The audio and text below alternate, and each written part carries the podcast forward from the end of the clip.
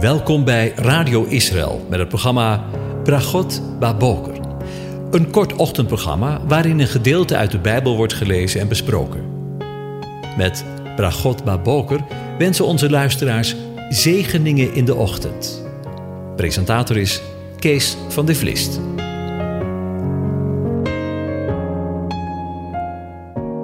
Goedemorgen, luisteraars. Vanmorgen denken u verder na over Psalm 92.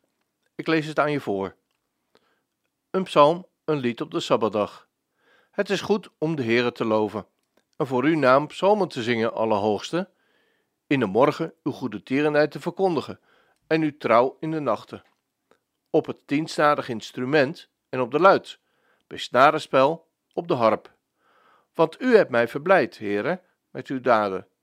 Ik zal vrolijk zingen over de werken van uw handen.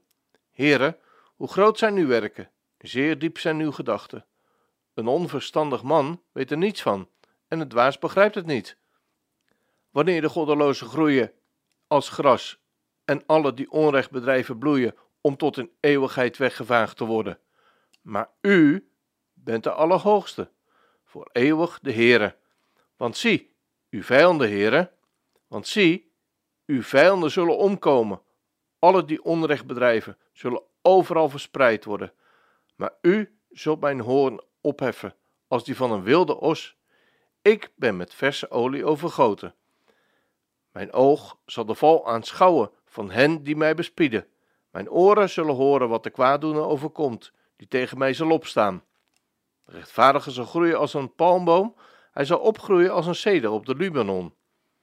Wie in het huis van de Heere geplant zijn, die mogen groeien in de voorover van onze God. In de ouderdom zullen zij nog vruchten dragen, ze zullen fris en groen zijn, om te verkondigen dat de Heere waarachtig is. Hij is mijn rots en in hem is geen onrecht. Tot zover. Over staken en werken gesproken. We denken weer verder na over het vervolg van deze psalm. Het is goed om de Heere te loven en voor uw naam psalmen te zingen, Allerhoogste, in de morgen uw goede tierenheid te verkondigen en uw trouw in de nachten. Dag en nacht dus. Maar er zit nog iets anders achter deze woorden. Als het licht wordt, als de zon opgaat, dan zing je van Gods goede tierenheid, van Gods goedgunstigheid. Maar als het donker is, als het duister is, wat zing je dan? Dan zing je van Gods trouw. Dan zie je niets. Dan kun je misschien nog niet zo zingen van Gods goedgunstigheid, zoals wanneer je ziet dat de duisternis verdreven wordt en alles licht ziet worden. Maar juist als het nacht is, waar kan je dan nog van gaan zingen? Dan kun je zingen van Gods trouw. Van God die je misschien niet ziet of hoort, er blijkt niets van hem, maar je weet, hij is er, want hij is trouw. We lezen weer verder. Want u hebt mij verblijd, heren, met uw daden. Ik zal vrolijk zingen over de werken van uw handen. Heren, hoe groot zijn uw werken, zeer diep zijn uw gedachten. Inderdaad, wat kun je ongelooflijk blij zijn over wat God wil doen, doet of gedaan heeft in je leven. Maar bijvoorbeeld ook in de natuur.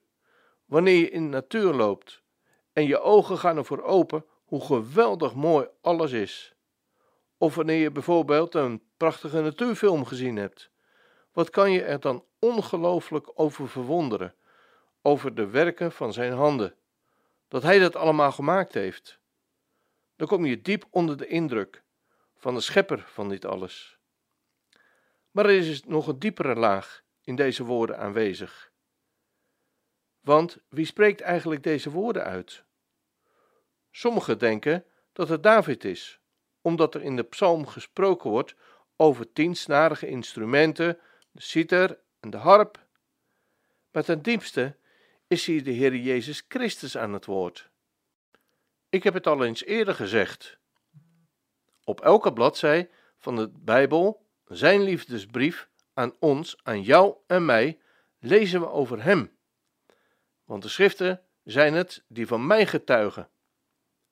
In Johannes 5 lezen we het zo: Onderzoek de schriften, want u denkt daardoor eeuwig leven te hebben, en die zijn het die van mij getuigen. En in Lucas 24, vers 27 horen we de Heer Jezus zeggen: En hij begon bij Mozes en al de profeten en legde hun uit al wat in de schriften over hem geschreven was. En als laatste in Johannes 1, vers 46. Filippus, die vond Nathanael en zei tegen hem: Wij hebben hem gevonden over wie Mozes in de wet geschreven heeft, en ook de profeten, namelijk Jezus, de zoon van Jozef uit Nazareth. Weet je, wij zijn zo gewend om het Eerste of het Oude Testament en het Tweede Testament, het Nieuwe Testament, uit elkaar te trekken, alsof het om totaal verschillende boeken gaat. Het eerste zou dan gaan over de wet en het Tweede Testament over Gods genade. Maar we lazen zojuist dat het in de wet van Mozes en ook in de profeten over Jezus gaat, over niets en niemand anders. Over de zoon van Jozef die uit Nazareth komt, zegt Filippus. Hij wist het al. En hij kende Jezus nog maar heel even. En wij moeten onszelf er steeds maar weer aan herinneren. Inderdaad, we lezen zijn naam, de naam Jezus, niet in het Eerste Testament. Daarvoor moet je hem zoeken, opzoeken. Moet je de schrift onderzoeken, zegt Johannes, want dan vind je hem. Laat hij zichzelf zien, want die getuigen van hem in het Eerste Testament vinden we eeuwig leven. Als dat geen genade is, in het zogenoemde Oude Testament. En zo laat de Heer zich ook vinden in Psalm 92, die van hem getuigt. Want de psalm zegt: Want u hebt mij verblijd, Heere, met uw daden. Ik zal vrolijk zingen over de werken van uw handen. Achter de woorden die hier gesproken worden door de dichter gaat hier de Heere Jezus schuil. Hij spreekt als het ware deze woorden uit. Deze psalm wordt dus ook profetisch gelezen, of misschien is deze psalm in eerste instantie wel profetisch bedoeld. De psalm spreekt over de Sabbat, de komende Shabbat, de dag van stoppen, staken en van rust. Maar voordat God iets tot stand gaat brengen, gaat Hij de werken van de mens stoppen en staken. En gaat Hij aan het werk om Zijn rust tot stand te brengen. Dan zal, zoals het in de psalm staat, het volk Israël, maar zullen ook de volken Hem loven.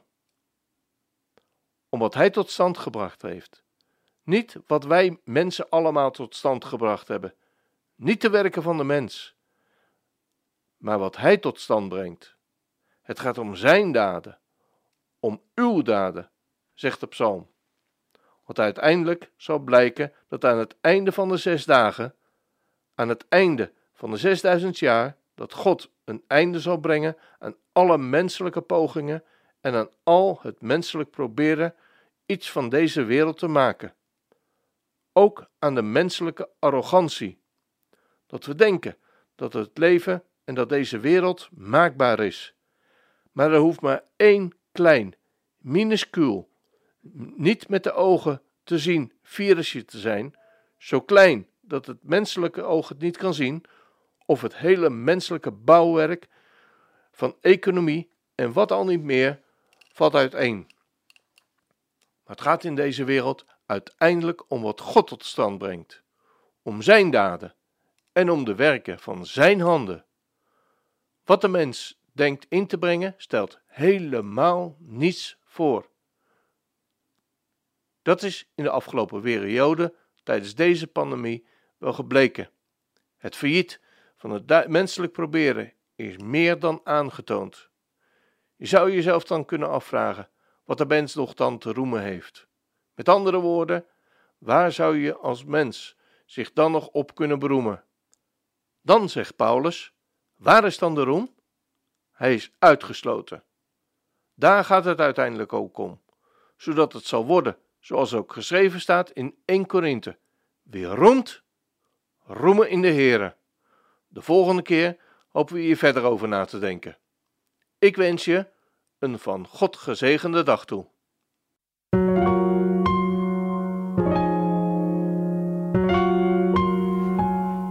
Hebt geluisterd naar het programma Bragot Baboker. Een kort ochtendprogramma waarin een gedeelte uit de Bijbel wordt gelezen en besproken. Wilt u het programma nog eens naluisteren, dan kan dat. Ga naar radioisrael.nl en klik onder het kopje radio op Uitzending gemist.